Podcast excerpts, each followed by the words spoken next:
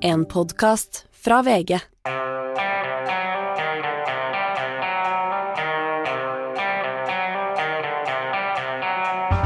Ikke visste jeg at eh, alle disse dagene som kom og gikk, de var selve uke 42. Nok en uh, lang uke som på mange måter ikke er over, fordi om det er fredag, Hanne, fortsatt i Jerusalem?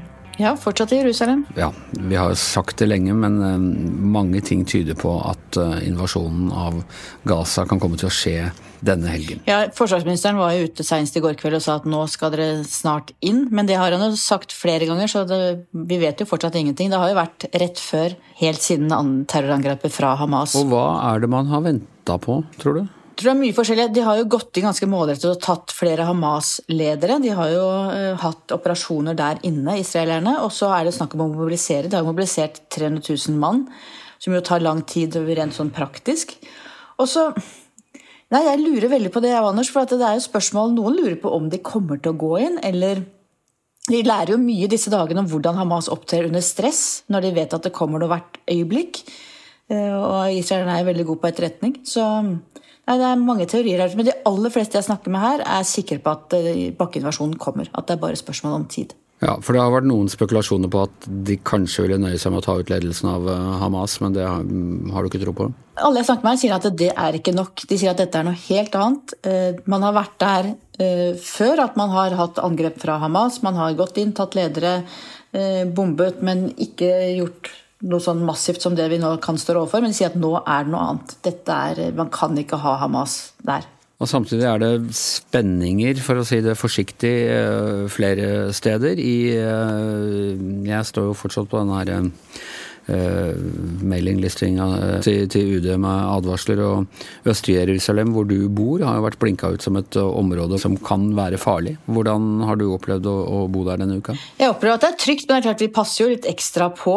Jeg var i gamlebyen i Jerusalem den dagen hvor dette angrepet på sykehuset fant sted om kvelden. Da var det rolig og fint, og alle boder var åpne. Så dro jeg dit dagen etter. Da var alt stengt, og da gikk jeg bare kort inn og kort ut igjen. Tenkte her er det ikke sikkert det er så lurt å være lenge akkurat nå. Så vi passer jo på, men det føles trygt, Anders. Eh, Gamlebyen er jo et sted som er vanligvis stint av folk, og alle mulige variasjoner av religiøse innen de tre, tre Abraham-religionene og, og eh, utfoldelse og sånne ting, men det er det altså ikke nå.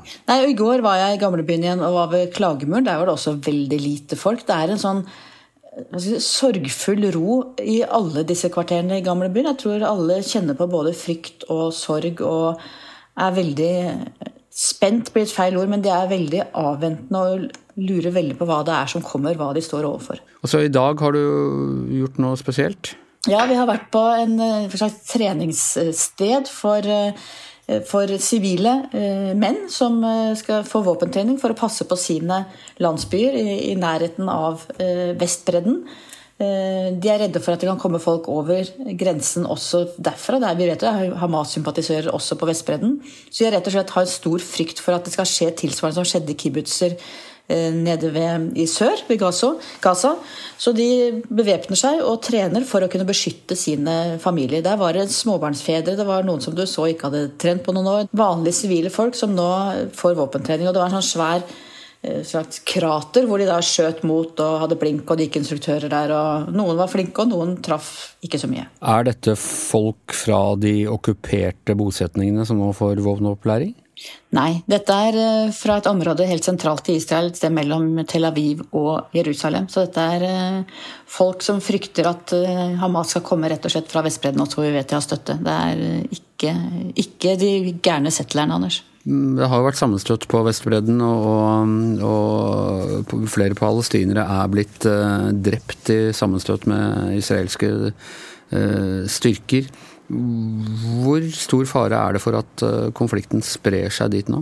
Det er stor fare. Det er helt forferdelig. ikke sant? Den regjeringen de har her nå, Netanyahu-regjeringen, som er den mest ytterliggående de har hatt noen gang i, i israelsk historie, de har jo oppmuntret og gitt stor beskyttelse til svært radikale, tidvis voldelige settlere som eh, tar palestinsk land, som er helt fryktelige mot palestinerne som bor der. sånn at det har jo selvfølgelig eskalert konflikten ytterligere også på Vestbredden. Så her er jo mange israelere også veldig sinte på regjeringa, føler at de har virkelig ikke gjort noe for å trygge sin egen befolkning De har tvert om oppmuntret de mest ytterliggående kreftene i Israel, og det er helt fryktelig å se på. Så Biden har jo vært der. Det besøket ble delvis ødelagt av denne sykehusbombinga, som man jo ikke har fått helt klar, eh, klarlagt hva som Eller man har ikke fått klarlagt hva som har skjedd, men, men det skjedde nok til at det, det ødela møtet. Nå har Biden dratt og det har vært etterspurt hva som er Israels endgame. Én ting er at de har fullstendig støtte fra USA, ganske god støtte fra, fra, Europa også, men hva med de nærmeste nabolandene? Man var jo i en prosess med bl.a. Å, å, få til en uh, diplomatisk avtale med, med Saudi-Arabia. Det er jo flere andre Eh, land i området som Israel ønsker å holde seg inne med. Hvordan er den prosessen nå? Det er ikke, mange mener at det er ikke tilfeldig at angrepet fra Hamas kom nå nettopp for å ødelegge for de prosessene som er i gang, og de prosessene som har vært fullført med andre arabiske land. Og lederne her er jo også under et dobbeltpress fordi på den ene siden ser de den samme trusselen fra militante islamister som Hamas er. Med, de har jo ofte den type eh, terrorister i sine egne land også, som de ønsker eh, selvfølgelig å, å dempe. Og, eh, og, de ser behovet, tror jeg, for å være hard med islamistiske terrorister. Samtidig så har de et veldig press fra sin egen befolkning, som jo støtter sivilbefolkningen og palestinerne i Gaza. Så de er under et veldig dobbeltpress. og Det var jo derfor, derfor både Egypts president al-Sisi og Jordans konge Abdullah og ikke minst palestinernes president Mahmoud Abbas avlyste besøket til, eller møtet med Joe Biden. Fordi at de ønsker ikke å bli sett skulder med skulder med, med Israels største støttespiller akkurat nå. Så det er mye spenninger internt også i disse landene. Og jeg tror lederne ser behovet for en normalisering med Israel, men samtidig så kan de ikke trosse sin egen befolkning og de sterke følelsene som er i gatene der nå heller. Så dette er veldig komplisert. Etter hva jeg skjønte, så er det tillyst massedemonstrasjoner bl.a. i Kairo øh, denne helgen. Og det kommer sikkert til å være demonstrasjoner over, over det meste av verden, og i, i, i, hvert fall eh, i Europa. De regner også med at det blir demonstrasjoner i gamlebyen under fredagsbønnen her i dag. så det blir interessant å se hvor heftig og hvor voldelig ja. det blir, og hvordan eh, palestinsk politi slår tilbake. Uh, nå har du vært der en uke, Hanne. Det er ikke mye tegn til bedring i konflikten på, på den tida? Nei, vet du, Det er så mørkt, Anders. Det er så mørkt. Og det er når du snakker med unge folk, når du snakker med eh, folk på alle sider? Det, er, det er lite håp. Og, og unge israelere, alle de, kjenner noen som var på musikkfestivalen, eller kjenner noen som kjenner noen. Det er som Utøya i Norge. Ja, Vet om folk som er kidnappet. Og de snakker om traumene som både de som var involvert direkte, var der, kommer til å ha, men også nasjonen. Det er det er helt eh, De sier at det er som om grunnen blir borte under føttene deres. Det er et angrep som vi bare ikke kan klare å forestille oss. Og det er en sånn sorg og sjokk. Og de sier også noen av de unge at ja, vi får ikke anledning til å sørge heller. fordi at i det tapet går opp for oss, så må vi gå rett i kampmodus i krig. De sier det er ikke som dere med Utøya. Dere kunne gå i sorg og hadde ikke en fiende som sto og banka på døra. Det er, følelsene her er så sterke alle veier. Det er, det er litt sånn det er utmattende. Men hvordan er følelsen blant israelerne øh, altså, Og jeg vet at det er mange av dem og de mener forskjellige ting, men, men, de du har snakket med, da, øh, i forhold til invasjonen i, i, Gaza? Alle jeg har snakket med, Anders, alle jeg har snakket med, fra liksom venstreside til høyreside, fra unge til eldre, alle mener at det er ikke noen vei utenom. De sier at øh, vi snakker ikke lenger om hva, hvilke muligheter vi har, men hvilke alternativer. Og det er ingen vei utenom. Og de viser til f.eks. Da, da Israel gikk inn i Libanon og eh, massiv, forferdelig krigføring på 80-tallet, men de fikk ut PLO, som da flytta til eh, Tunis. Eh, og sier at det er ingen vei utenom å, å, få bort Hamas. Det er en grense som er krysset som bare vi kan ikke ha dem der. Så det er bred enighet. Og folk ser jo at dette blir helt forferdelig. Og folk ser at det kommer til å rulle bilder over TV-skjermen over hele verden av sivilbefolkningen som kommer til å lide fryktelig i Gaza. Og de sier at det, vi må bare gjøre det allikevel. Så det er samstemt. Jeg har ikke møtt en eneste en som ikke mener det, faktisk. Nei, for eh, konflikten du snakker om da, det skapte jo også da massakren i, i eh, flyktningleirene i Shabra og Shatila, og eskalerte konflikten ytterligere. Ja, og så, kan de, så ble de kvitt PLO, men så kom jo Hizbollah på et tidspunkt også. så dette er jo hmm. Det er ingen enkle svar på noe som helst der. Bare dårlige løsninger. Eller dårlige svar, dårlige muligheter. Når kommer du hjem da, Anne? Usikkert. Kanskje på søndag, eller kanskje inn i neste uke. Vi får se litt. Ok. Eh, du må være veldig veldig forsiktig, og særlig nå under fredagsbønnen og, og eh, i det hele tatt. Og helst vil jeg at du skal komme hjem nå. Jeg kommer hjem etter hvert, Anders. Jeg lover. Det er bra, Hanne. Ok, take care. Hils, hils de andre, og så snakkes vi. Men uansett hvor store nyhetene er, medieboblene bobler opp og gjør krav på sin egen type oppmerksomhet, og velkommen eh, hit, Gard Steiro, innkalt vil jeg si, i en meget eh, travel hverdag. Ja, ja det, hver uke er travelt, men jeg, hvis det fortsetter sånn som dette, så kommer ikke jeg til å ha tid til noe som helst, tror jeg, til jul, for nå har det vært, det har vært litt av en høst. Ja, og nå var det sånn, altså du, vi pleier jo da å kommunisere på tekstmelding før vi skal ha dette her, og nå har du ikke svart meg engang, så var med viss spenning jeg satte meg ned og lurte på om du faktisk ville dukke opp her. Ja, jeg klarte det akkurat. Ja. Men helt presis, det, det, skal sies, helt presis så, så, innfinner han seg her. Du, den første store, altså den saken alle prater om i dag, i hvert fall på, på fredag, det er eh, Ingebrigtsen-saken. Eh, tidligere denne uka så gjenga vi utdrag fra en eh, podkast som Abid Raja, av alle mennesker, har laget med pappa Ingebrigtsen. Riktig. Eh, hvor han, eh, hvor han, snakker om denne konflikten med, med sønnene som alle har prata om, og som ingen helt vet hva består i. Og i går kveld så publiserte vi altså et, en kronikk eh, fra disse sønnene eh, med noe av den kraftigste udokumenterte beskyldningene jeg tror jeg har sett rettet mot noe menneske i, eh, i norske medier noen gang. Jeg vet ikke helt om jeg er enig i den vurderingen, eh, at det er den kraftigste kritikk, udokumenterte kritikken som noen har rettet mot et menneske, men det er en kraftig kritikk. Eh, det er ikke helt riktig, og det er, et, eh, og det er en spesiell sak, og det er en svært, svært vanskelig sak. Så er det jo, Bakteppet er jo noe bredere vil jeg si, og større enn bare denne podkasten til Abid Raja. Eh, det har jo òg vært en foranledningen her. Eh, det er jo denne konflikten har eskalert de siste ukene. Eh, og det handler jo òg om måten Friidrettsforbundet har håndtert saken på. Der de gikk ut og sa at Gjerte Ingebrigtsen ikke fikk akkreditering til mesterskap fordi de ville skape trygge rammer rundt utøverne. Det reagerte jo Gjerte Ingebrigtsen på, og spesielt hans advokat, som krevde jo et, en beklagelse fra forbundet. Sånn at det som var en familiekonflikt, egentlig, har jo nå blitt òg en konflikt mellom utøvere på landslaget, og mellom forbund og en trener. Så det, det, konflikten har eskalert. Ja, og den har noe å si utover det rent personlige for denne familien? Ja, det handler ikke, det, det handler ikke, lenger, om, det handler ikke lenger om hvorfor Gjerte Ingebrigtsen å slutte som trener for sine sønner. Nå handler handler det om, også om forbundet og om organiseringen av landslaget i friidrett. Eh, så er mitt inntrykk at, eh, at det som da har skjedd, er at disse brødrene opplever nå at de nærmest motvillig må gå ut og fortelle sin versjon av det som har skjedd.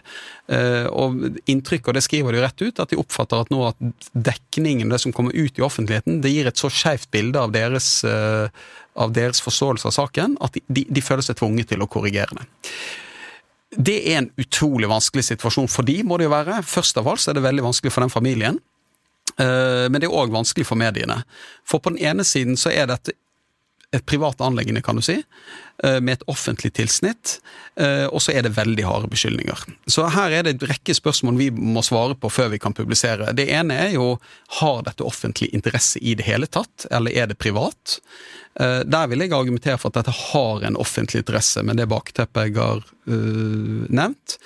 Så er det jo spørsmålet bør de få slippe til i det hele tatt med en sånn kritikk. Eh, det mener jeg nok at de bør få lov å slippe til med kritikken, fordi at òg de har blitt tegnet et bilde og blitt kritisert direkte og indirekte de siste ukene, så de må få lov å svare på det. Og så i hvilken grad skal de få slippe til med disse anklagene. Og da er jo spørsmålet skal mediene måtte bevise at så har skjedd for å slippe til en sånn anklage. Presseetikken er sånn at man må ikke nødvendigvis bevise det utover enhver rimelig tvil som i en rettssak, men det må gjøres noen undersøkelser før vi publiserer det. Og det gjorde VG i denne saken. Man gjorde jo noen vurderinger og undersøker, eh, undersøkelser rundt det, som gjorde at vi mente at her er det riktig å publisere det. Eh, uten at da vil si at eh, jeg syns det er vanskelig å gå inn på det. Men det er òg et poeng her at det er jo tre personer som står fram sammen og samler og sier dette. Det er litt annerledes når det er én person som kritiserer noe annet. Når det er tre, og kanskje de har noen felles opplevelser, så, det, så taler det kanskje for å publisere det. Ja, men, det, det, men, det, blir jo gjort et større arbeid enn bare Det er ikke sånn at man får dette innlegget at vi bare publiserer det. Det blir jo gjort en del arbeid. Og Det er nettopp det jeg lurer litt på. Når du får vite at VG sitter på et sånt uh, skriftstykke som er, går så rett inn i en av de aller største som har hatt størst medieinteresse mm. den siste tiden, men det er samtidig kontroversielt og vanskelig. Hvordan, hvordan tenker du rundt det? For, øh, Altså, dette er jo jobben til oss journalister og redaktører. Sånne dilemmaer står vi overfor hele tiden. Og selv om denne saken som du sier, er veldig stor interesse knyttet til, så står vi jo ofte for samme type dilemma i andre saker òg, som får mindre offentlig interesse, som kan, like, kan, være enda vanskeligere enn denne saken. Så vi, vi er jo vant til å håndtere denne type saker. Men jeg tror, jeg tror På vanskelighetsskalaen, hvor høyt oppe er den? Dette er, god, dette er høyt oppe. Ja. Det er høyt oppe på vanskelighetsskalaen, vil jeg si. Eh, og, eh, og, det var jo ikke Jeg tror mange tenker at når vi redaktører får en sånn sak i hendene, at vi, vi, liksom, vi jubler og det sitrer begeistring for at vi får det. karikaturen Men det er jo ofte ikke sånn man, man, Det er jo ofte veldig Du føler på et veldig tungt ansvar, det, og det, det, er jo veldig vanskelig, for her er jo to parter, og begge har jo en veldig klar forventning og et ønske om hvordan mediene skal håndtere dette, så det er jo vanskelig. Og så er det kritikk å få nesten uansett uh, hva du Ja, og det er, og det er ikke noe det, det er ikke noe opplagt svar i sånne spørsmål. Det, dette er, det, det som jeg sier ofte er sånne presseetiske vurderinger, det er liksom en sånn skala der du der det, det, det, er et sånt gråsoner man ofte må bevege seg i. Eh, og det opplever jeg i denne saken nå. Det er inne i en veldig vanskelig sone. Men jeg er trygg på publiseringen, at den var riktig å gjøre. Men jeg sier ikke at det er en enkel og opplagt avgjørelse. Og så skaper jo dette da ringvirkninger, og VG er jo en, en bjellesau, kan du si, i, i norske medier. Det, det som gjøres her, det forholder andre seg til. Nå er vi da i den situasjonen at noen henviser da bare til VG, eh, skriver der. Noen, f.eks. Aftenposten, har ikke omtalt saken. Nei, og det, eh, der gjør man ulike vurderinger. Det, og nå vet jeg ikke hvilke vurderinger han har gjort, men jeg kan prøve å tenke meg mm. inn i For det første så vet vi ikke Vi vet ikke om, om NRK, som publiserte med en gang, og TV 2, om de sitter på annen informasjon enn det Aftenposten gjør. For det er spørsmålet hvilke undersøkelser har de gjort i saken i forkant? Hva vet de? Hvilken bakgrunnsinformasjon sitter de på? Sitter de på noen dokumentasjon? Sitter de på et eller annet som gjør at saken ser annerledes ut i NRK enn den gjør i Aftenposten?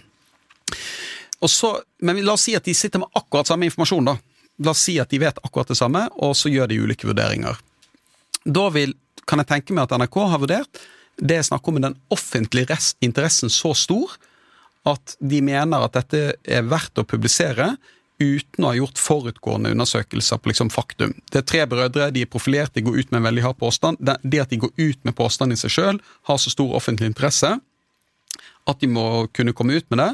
Og de har òg fått en samtidig eh, møtegåelse fra Jette Ingebrigtsen der han avviser det. Det mener de i seg sjøl er verdt å publisere. Så kan jeg forestille meg at i Aftenposten så har de tenkt annerledes. Da har de tenkt at vi publiserer ikke dette. Her må vi regne med at VG sitter med annen bakgrunnsinformasjon. Og vi må jobbe for å få den samme bakgrunnsinformasjonen til VG for å gjøre en selvstendig vurdering der. Så det er litt ulike Men Kan det også være at Aftenposten, selv om de har det samme som oss, tenker at vel dette er såpass kontroversielt likevel at vi velger å ikke gjøre det? Det kan godt hende. Det er ulike tolkninger av presseetikk. Altså, Vær varsom-plakaten gir på en måte en absolutt grense. Og noen medier på ulike punkter i varselplakaten har ulike tradisjoner. Eh, det beste eksempelet på det er identifisering i kriminalsaker. Der er det noen medier som har en tradisjon for, eh, for å identifisere, mens andre er mer tilbakeholdne. Vanligvis er f.eks. NRK mer tilbakeholdne i identifiseringsspørsmål enn det VG, TV 2, Nettavisen. Nettavisen altså, altså de, NRK som allmennkringkaster har ofte vært mer varsomme der enn oss. Og Det betyr ikke at noen har rett eller galt, det, det var en ulik vekting og ulike argumenter i den saken. Ja, øh, NRK mer varsomme, men ikke i alle sammenhenger. Her er da sportskommentator Jan Petter Saltvedt øh, etter at saken ble kjent i går. Han er ikke dømt for noe, men han kommer ikke til å bli sett på som en genial trener. Han kommer til å bli sett på som en voldsmann primært. Det var harde ord. Ja, og det er for harde ord. Øh, og NRK beklaget det, og det tror jeg var klokt av de. Det er jo en setning før dette òg som er på en måte enda mer grunn til å beklage, der han Eh, det blir, jeg vet ikke hva han mente å si, men det blir oppfattet som han sier rett ut at nå skal påtalemyndigheten se på denne saken. Eh, det, det, var fall ikke klart på det tidspunktet, det, så det var jo en feil. Eh, men her går, mener jeg at man, man gjør en feil fra NRKs side. Og det at i en sånn sak som dette, som er, der det er jo strid om hva som er, har skjedd, det kan være ulike tolkninger av dette, ulike meninger, man vet ikke helt det å gå inn og konkludere så hardt på et så tidlig tidspunkt, det syns jeg, jeg, er høy risiko. Og min personlige mening er at, at kommentarjournalistikken, særlig kommentarjournalistikken i en sånn fase, den må være mer analyserende og forklarende enn å være så hard på å konkludere. Så, så her går jo man på en fase der det er veldig mye usikkerhet og det er uenighet, så, man alltid, så bruker man så karakteristikk da og sier at å konkludere med at Gjerte Ingebrigtsen først og fremst blir sett på som det ene eller det andre eh, hvis ikke Saltvedt satt på mye mer informasjon enn det alle andre gjør, da, så, så er jo det altfor hardt å gjøre på den tiden. Du, du så jo andre kommentatorer var mer, mye mer varsomme i går, og prøvde heller å beskrive altså, hvorfor denne konflikten er så vanskelig. Ja. Uh, og så, ja, uh, Vi vet jo ikke, men jeg regner med at på en eller annen måte vil noe av dette her også uh, ende opp i pressens faglige utvalg? Ja, det, ja, det kan hende. Det, det, det, er, slett ikke sikkert. Og det er ikke sikkert at denne saken her egner seg heller for å bli klaget inn for pressens fag. At denne saken, NRK har jo beklaget sin publisering. Og det gjorde de vel allerede senere i, i sendinga? Ja, ja, eller iallfall veldig tidlig etterpå. Så, så jeg er ikke sikker på om dette er en sånn om, det, altså, det, jeg opplever kanskje ikke at denne saken flytter så store grenser, men at denne saken er et veldig eh, At det er en vanskelig presseetisk sak, det er det ikke noe tvil om. Nei, men ja, det, det, er jo uvanlig at noen får gå ut med såpass harde anklager mot, uh, mot privatpersoner som, som, nekter for å ha gjort det. Det er vel det at de er tre stykker som uh, ja, Det at de er tre stykker, det at det er en veldig offentlig konflikt allerede, det at alle er offentlige personer, de har dette er noen av Norges største friidrettsstjerner. Det er en av Norges mest profilerte trenere. Det er en familie som har laget et TV-program. Det er en konflikt som ikke bare dreier seg om de, men som dreier seg om et helt landslag. Vi har jo ikke vært opp borti en lignende situasjon tidligere, men det har jo vært situasjoner tidligere òg der folk, mennesker har gått ut med veldig hard, tøff kritikk innenfor idretten. Og akkurat dette vi ser i denne saken her, uten at jeg skal være forsiktig nå med at jeg sier at det er det samme som har skjedd i denne saken, det at det oppstår konflikter mellom trenerforeldre og idrettsutøvere, det har jo skjedd tidligere mm. i verden, for å si det sånn. At, det, at sånne forhold bryter, bryter, sammen, at det blir en offentlighet rundt det. Men oftest for å forklare litt så er det jo at man har ventet på at det er en eller annen formell klage, en anmeldelse, en, et eller annet sånne ting som man henviser til? Eh, ja, det, det, ofte så er det jo det at ofte er det som foranledning for at sånt blir omtalt, er at saken f.eks. blir politietterforsket eller blir en klage. Men, men, denne saken er jo allerede på en måte er jo, en, er jo allerede klaget inn, for disse brødrene har jo snakket med Friidrettsforbundet. Altså, så det er jo inni en det er, jo, det er allerede en offentlig sak. Nei. For det er jo ikke sånn at du trenger å politianmelde noe nødvendigvis for at mediene skal omtale det. Her er det jo sendt inn en klage til Altså, man har jo allerede tatt saken inn for forbundet. Mm. Mm. Og så er det jo òg sånn at man snakker jo om Man snakker jo her om, uh, om forhold, men, det, men det er ikke, dette er jo ikke, det er ikke Foreløpig har det ikke snakk om dette er straffbart eller ikke. Man snakker om deres opplevelse av hvordan deres eh, relasjon til sin trener og far har vært. Ikke den eneste vanskelige saken du har stridd med denne uka. Nei. På var det tirsdag, så var det altså en eksplosjon ved et sykehus i Gaza. Eh, de første meldingene sa 200 drepte, steg raskt til 500 drepte. Eh, de fleste gikk ut fra at det var en israelsk eh, rakett. Det kom noen sterke fordømmelser, og så begynte tvilen å komme. Israel hevdet at uh, dette var en eksplosjon fra innsiden, at det var en annen islamistisk gruppe som sto bak, at det var noe feilskyting. Uh, de la fram ting som de mente beviste det. Og per nå må vi si at det er uklarhet rundt hva som skjedde. og Hvordan, eh, hvordan eh, selvevaluerer du VGs eh, håndtering av dette? Uh, nei, der, der, gikk det Der mener jeg vi ikke tok nok forbehold i starten. Det er vår interne evaluering. Um, det, ble, det ble gjort et ganske grundig altså Det ble gjort et godt arbeid. Veldig, jeg syns veldig mye var bra, og hvis du leser tekstene, så er noen av disse forbeholdene tatt inn i en del tekster. Men det du ser på inntrykket, det er en del titler og en del ingresser og, og noen sånne videoinnslag som er for konstaterende. Um, i, i, startfasen. Og, og, jeg forstår hvorfor det skjer, for her kommer det jo dramatiske bilder. Uh, det kommer, her kommer talspersoner for Hamas eller for palestinsk side og sier at dette er en rakett. Det er dramatiske bilder. Eh, og så tar man ikke nok forbehold i starten. Så, så, vår evaluering her i starten var at her måtte vi justere og korrigere og, og, og, rette opp. Først og fremst måtte vi lage journalistikk etterpå som fikk fram den usikkerheten. Men det viser hvor utrolig vanskelig dette er, da. at her det er åpenbart en stor, stor hendelse og en stor, viktig nyhet at det er mange mennesker som er drept ved en eksplosjon på et sykehus i Gaza. Så er det veldig uklart for oss hva som har skjedd. Vi er jo ikke til stede. Det eneste vi kan gjøre er å bruke Og det er få, mye færre journalister til stede på den siden? Veldig mange, og færre journalister til stede. Det vi kan bruke er jo en del verktøy. Vi har det som kalles sånn Open Source Intelligence, eller OSINT. Altså vi kan gå inn og se på bildene, studere dette krateret. Er dette krateret, er det som ser dette krater, eller den krater, Det er jo ikke noe krater, sant? men altså ser denne eksplosjonen minner den om andre rakettnedslag fra israelske sider. Men dette tar jo veldig ti, mye tid. Så hva gjør man der i den fasen der alt er uklart, men det er likevel en stor hendelse?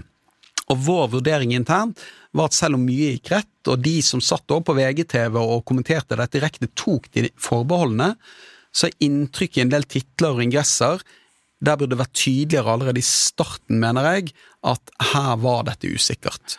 Og så er egentlig ikke det noe Det, det, det er jo på en måte en, det, det, er ikke noe kritikk av de som skrev dette, egentlig, for dette er bare en erkjennelse av hvor komplisert dette er, hvor utrolig vanskelig å ta disse beslutningene på veldig kort tid uh, når de dramatiske bildene kommer inn. Ganske god anskueliggjørelse, tror jeg, for uh, vanlige mennesker uh, som følger nyhets, nyhetsdekning og på hvor vanskelig sånne ting kan være, og hvordan, hvordan nettopp, liksom, som man sier, sannheten er første offer i, i, krig. Begge sider ønsker å bruke dette propagandaen. Ja, og det som er utfordringen her, som er en ekstra stor utfordring, sant, er at vi pleier jo ofte å si i sånne saker at saker utvikler seg, og så er det kanskje på drag fire eller fem eller etter en måned at du egentlig vet hva som egentlig skjedde i en sak. Problemet i denne saken er at med en gang dette skjer, så spres jo de første nyhetene, de første inntrykket av hva som har skjedd her, det spres i sosiale medier og etableres som en sannhet og brukes av ulike parter og interesser i denne konflikten til å etablere et fiendebilde som kan være falskt. Og det er, det er veldig, veldig farlig, og jeg tror vi må jeg tror vi i mediene må være uhyre bevisst dette. og dette er noen av de det, Dette kan jeg si at denne diskusjonen blant de som dekker krigen nå i Gaza og dekker terrorangrepet mot Israel, de, er, de, bruker mye tid på å diskutere hvilke ord skal de bruke, hvordan skal de henvise dette, hvordan skal de tydeliggjøre denne usikkerheten, hvordan skal de forklare leserne hvordan de tenker og jobber. De bruker mye tid på det. Og det er også en konflikt som vekker veldig, veldig sterke følelser, mer enn noen annen konflikt, tror jeg, i, i, i verden. Ja, det er, det, her, og her er det jo sånn òg, at selv om du opplever at du er så faktaorientert som overhodet mulig, så eh, vil du få kritikk. Fordi at bare at du ikke Her er jo begrepene du bruker, ordene du bruker. Hvis du bare tar forbehold på én side, så kan, en, så kan, du få kritikk for at du tar mm. forbehold. Mm. Så det, du, som jeg sier, her får man vi kritikk hele tiden. Var, vi snakket om det her forrige uke, at uh, dette er sånn konflikt hvor den samme setningen kan bli kritisert av begge sider. Ja, det, det er helt riktig. Det gjør det jo vanskelig. Og jeg, synes, jeg tror det var Cecil Hellestreit som sa det her på en sending i Dagsnytt 18, at det er jo krigsforbrytelser og altså Det er mange krigsforbrytelser, men det er jo ikke noen krigsforbrytelse å lyge om hva som har skjedd. Nei. Sant? Og det må jo vi være klar over, at her, det, her drives det med etterretning og informasjonskrig, eh, og vi er en del av den informasjonskrigen. Og det er også eh, jeg tror jeg, eh, høye tapstall blant journalister som er inne på Gazastripen, så det er, det er en, en, veldig vanskelig jobb som gjøres der nå. Ja, og vi kommer ikke inn i Gaza engang. Sånn at du er nødt til å bruke kontakter, du er nødt til å finne troverdige kilder, du er nødt til å bruke bildemateriale.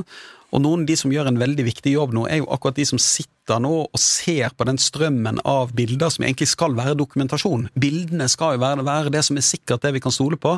Sånn er det ikke lenger. Så de som sitter nå i denne bildestrømmen og studerer de bildene Det kan jo være sånn at vi kan få en bildestrøm sant, av masse bilder, og så kan det være lagt inn et bilde fra en helt annen konflikt, tatt i en annen setting, som plutselig havner i samme bildestrøm. Så det, dette er Jeg må si at Ingebrigtsen-saken er en presseetisk dilemma. Dette er en langvarig, meget krevende oppgave å dekke. Da skal vi over til en annen, eh, for så vidt også krevende oppgave, men litt lettere. Det var store regjeringsutskiftinger eh, på mandag etter eh, uke med spekulasjoner, blant annet om forholdet mellom statsminister Jonas Gahr Støre og hans inntil nylig eh, utenriksminister eh, Anniken Huitfeldt. Og, og, særlig Dagbladet hadde mye, det må jeg si, eh, masse stoff om det som jeg kasta meg over og leste med glupsk interesse. Og så gikk altså statsministeren en, til det litt uvanlige skrittet å drive litt mediekritikk under pressekonferansen. Hør på dette. Men la meg bare si til Dagbladet, så mye tøv dere har skrevet om det forholdet mellom Anniken Huitfeldt og meg siste uke føler jeg at det er basert på kilder som er så langt fra virkeligheten. Det er ikke ofte man får kjeft av statsministeren på den måten når man jobber i den frie pressen? Nei, øh, nei det er det ikke. Uh, vanligvis så vil jo en statsminister pakke inn mediekritikken sin i, på en annen måte enn det Dette kjenner jeg meg ikke igjen i. Ja, dette, ja. Noe, noe i den gaten på den ene siden så, kan, så, er det litt forfriskende. Sant? Det er litt forfriskende at en statsminister bare er altså At en toppolitiker eller en næringslivsleder liksom sier det som det er. At dette, dette syns jeg bare er tøv. Om det er rett eller ikke at det er tøv, det, det skal ikke jeg mene noe bestemt om, men han Du Du hører det, han er ordentlig irritert? Der. Ja, han er irritert. Og det er jo, det, så det, Noen vil si at dette er forfriskende, og jeg mener òg at virkelig at mediene må tåle kritikk. Vi kan ikke bli hårsåre, vi skal ikke bli for hårsåre. Så er det en ting som man skal passe litt på, sant? det er at her har man litt ulike roller. Og det at toppolitikere, eller virkelig de, de, fremste folkevalgte, og de som forvalter liksom, det ansvaret for, liksom, for tilliten i samfunnet, de skal være litt varsomme med den type kritikk av mediene. Eh, vi hadde jo en diskusjon her for noen uker siden der vi satt og diskuterte dette denne, disse anklagene spesielt mot E24 om å holde tilbake informasjon i forbindelse med, med Erna Solberg-saken, som jeg var veldig kritisk til at måten de gjorde det på. Og det kan du si at det har noen det Du kan assosiere litt med dette at at statsministre bør ikke gjøre det til en vane å angripe pressen, sånn som man f.eks. sett at republikansk, enkelte republikanske eh, politikere har gjort. Sant? For det man står i fare for, er å bryte ned tilliten til mediene generelt, hvis man bruker den type ord. Men så syns jeg òg en statsminister selvfølgelig må få lov å korrigere noe hvis han mener noe er galt. Men eh, hva er det Erna Solberg pleier å si? Jeg ville ikke brukt akkurat de ordene hvis jeg var Jonas Gahr Støre, eh, men, men at han men at han sier at han ikke kjenner seg igjen i dette, må han kunne si. Men jeg, jeg tror ikke jeg vil Tøv er et i et sånt Det er litt gammeldags uttrykk. Ja, det er litt gammeldags. Det. men, men, jeg si, men jeg vil samtidig si at det, det er jo noe man også skal bruke med varsomhet. Altså, du skal vite, du skal vite hvordan du skrur på volumbryteren når en statsminister skal kritisere den, den frie presse. Ja, ja. Jeg må si Dagbladet tok litt uh, siste stikk der med, med, følgende ingress en sak etterpå, for da det jo, uh, har det jo da vært uh, diskusjon i Arbeiderpartiet om alle disse, for det har jo åpenbart vært lekkasjer. Eh, det ble tatt et oppgjør med alle lekkasjene fra interne møter og samtaler på Arbeiderpartiets gruppemøte i Stortinget, skriver Dagbladet. Og det får Dagbladet opplyst fra flere kilder som var til stede på møtet. Elegant av Dagbladet, vil jeg si. Eh, men dette viser òg noe av problemet med den type kilder som har vært til stede. For en kilde som er til stede i et sånt møte jeg vet, ikke, jeg vet ikke hvor mange som var til stede. men Én ting er at denne kilden forteller noe faktisk som har skjedd på det møtet. sant? Det er jo én ting. At man sier at her ble denne saken diskutert, eller det ble løftet, eller Det er jo en faktaopplysning. Det er jo når disse kildene går inn og liksom gir sånne verdi, altså mer sine tolkninger av hva som blir sagt, eller hva som var stemningen i rommet og sånt, det er jo da disse anonyme kildene mm. blir, uh, blir litt vanskelig å bruke. Og så vet man jo, ikke minst i en sånn hvor noen skal gå og, da, og sånne ting, så er jo kildene har jo gjerne en egen agenda for å lekke, så de er litt selektive i hva har, er de lekker. Jeg tror jeg har, uh, jeg har sjelden opplevd en anonym politisk kilde som ikke har en eller annen form for agenda ved å si noe. Nettopp, og med disse kloke ordene så runder vi av ikke bare mediebobler, men hele Giæver og gjengen denne uka. Eh, tusen takk til Hanne Skartveit og Gard Steiro. Jeg heter Anders Giæver, og mannen som klipper bort det meste av alt eh, tøvet vi sier, sånn at vi framstår noenlunde fornuftige, er vår produsent Magne Antonsen.